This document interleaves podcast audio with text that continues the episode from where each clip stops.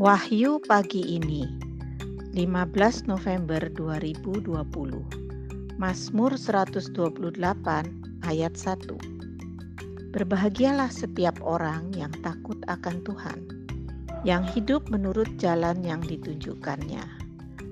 Saudara-saudari terkasih takut akan Tuhan berarti mau dan mampu bertanggung jawab atas segala talenta atau karunia-Nya serta bersyukur kepadanya. Selamat berhari Minggu.